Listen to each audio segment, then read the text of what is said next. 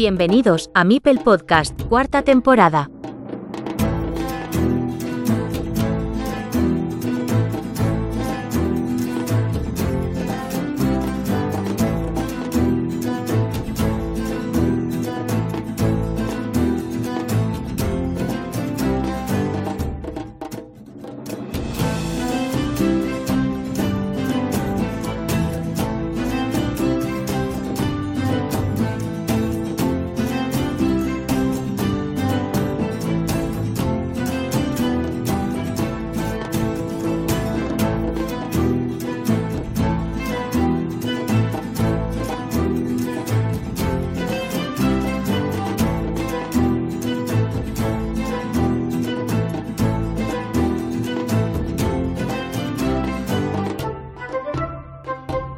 Hola, ¿qué tal? Bienvenidos a vuestro canal sonoro favorito sobre Carcassonne. Hoy tenemos como invitado de Mipel Podcast al campeón chileno de 2023, que acompañará a Jorin Mella al Mundial de Alemania, este último como medalla de oro del Grand Prix Online de las Mind Sports Olympiads. Encantado de recibirte en el programa, Marcel, ¿qué tal estás? Hola Joaquín, ¿cómo estás?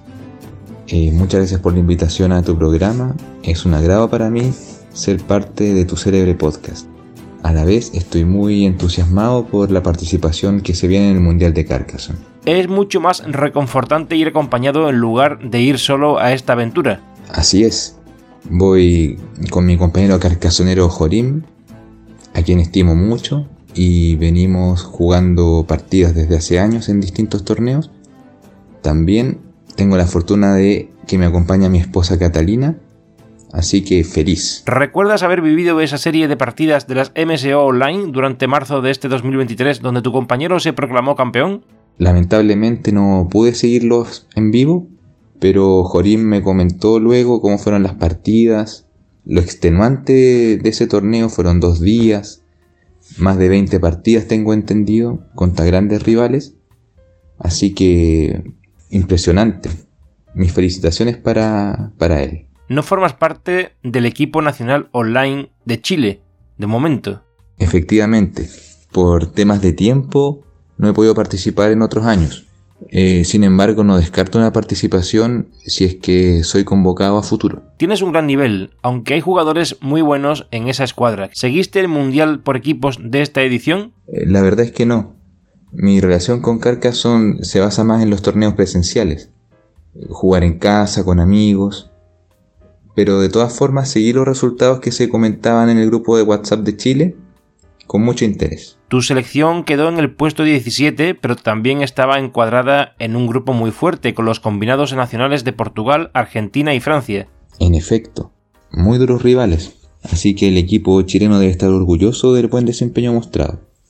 Y espero que este año logren superar este buen resultado. Bueno, vamos a centrarnos en tu experiencia. Cuéntanos tu periplo hasta convertirte en campeón chileno. Oponentes, fases del torneo, dificultades, anécdotas, etc. Bueno, primero que nada, como preparación, traté de ir relajado. No jugué carcazón los días previos. Comí ligero y pasé harto tiempo con mi perrita Bruna. Sabía que ese día iba a ser muy largo. Eh, bueno, llegamos con mi esposa y tuvimos primero el, temor de que nos tocara juntos en algún momento y eliminarnos, lo que por suerte no ocurrió. Eh, llegada la primera partida, me tocó contra quizás el oponente más difícil del día, Claudio Jorquera, con el que hemos jugado muchas veces, nos conocemos bien y por suerte logré la victoria. La siguiente ronda fue contra Brian Townsend, con quien nos veríamos las caras nuevamente en la final. También una partida muy reñida, donde cometí un grosero error en un momento por eh, un incorrecto conteo de las piezas restantes, pero aún así pude derrotarlo. Luego en tercera ronda jugué contra Jorim justamente, también una partida muy reñida y de mucho bloqueo. Creo que fue un puntaje 50-60, una cosa así. Muy reñida. Luego, las siguientes rondas serían contra campeones nacionales. Primero Angelo, cuyo nickname es Big Sam en Board Arena. Eh, y luego Edgar Townsend, ambos me derrotaron. Pero a pesar de las derrotas, logré eh, quedar en el top 16 y avanzar a la siguiente fase del torneo. Luego en el top 16, en las rondas de eliminación directa, pude vencer a Vale, también una partida muy difícil, a Alexander, en una partida que me favoreció bastante la suerte. Pude ganar por un, margen más amplio. Y luego en semifinales, nuevamente contra Claudio Jorquera en una partida que describiría como favorable a mí inicialmente y luego pude administrar esa ventaja eh, durante el resto del juego. Y finalmente, en la final contra Brian Townsend, eh, ocurrió lo mismo. Tuve una ventaja inicial de puntos que pude ir administrando, logré ciertos bloqueos de sus meeples y finalmente pude derrotarlo por unos 10 puntos. La sensación al verte campeón, a pesar de los nervios, debe ser adrenalínica, un subidón. Sí, definitivamente. Era un objetivo que venía persiguiendo hace años, desde el primer nacional en Chile, que fue el 2015, y al fin veía este sueño concretarse. Fue tremendo para mí. De hecho, en la final me tiritaban las manos al tomar la loseta, de los nervios pero todo salió de la mejor manera.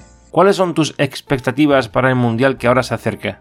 Mira, revisando los otros clasificados, me di cuenta que hay varios ex campeones mundiales, célebres personas de Board Game Arena, así que la verdad es que voy sin expectativas.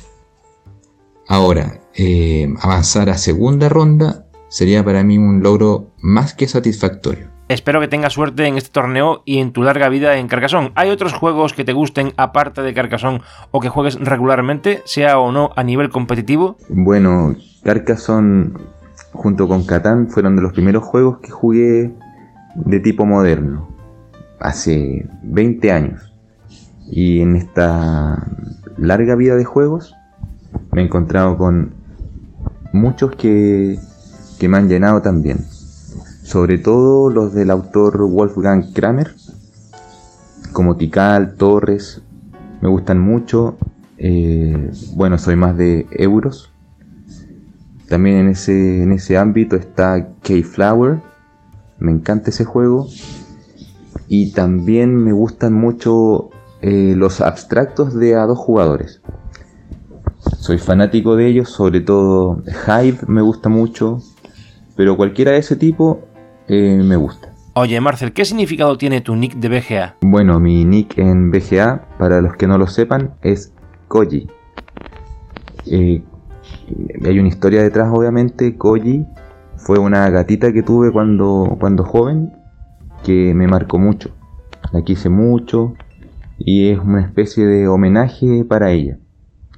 Es un nombre que usualmente utilizo en cualquier tipo de plataforma. La imagen de tu perfil en la Board Game Arena es a la vez emotivo, pero triste. Bueno, esa imagen está ligada a lo que mencioné recién sobre Koji, ya que aparece un, un gatito despidiéndose de un niño.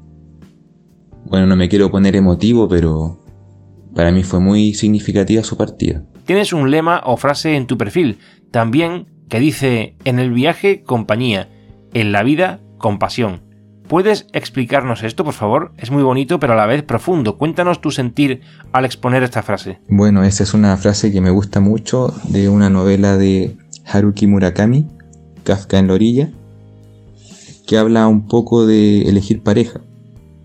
Porque elegir pareja es elegir un compañero de viaje. Nadie se casa o forma una familia con la idea de que sea un viaje corto.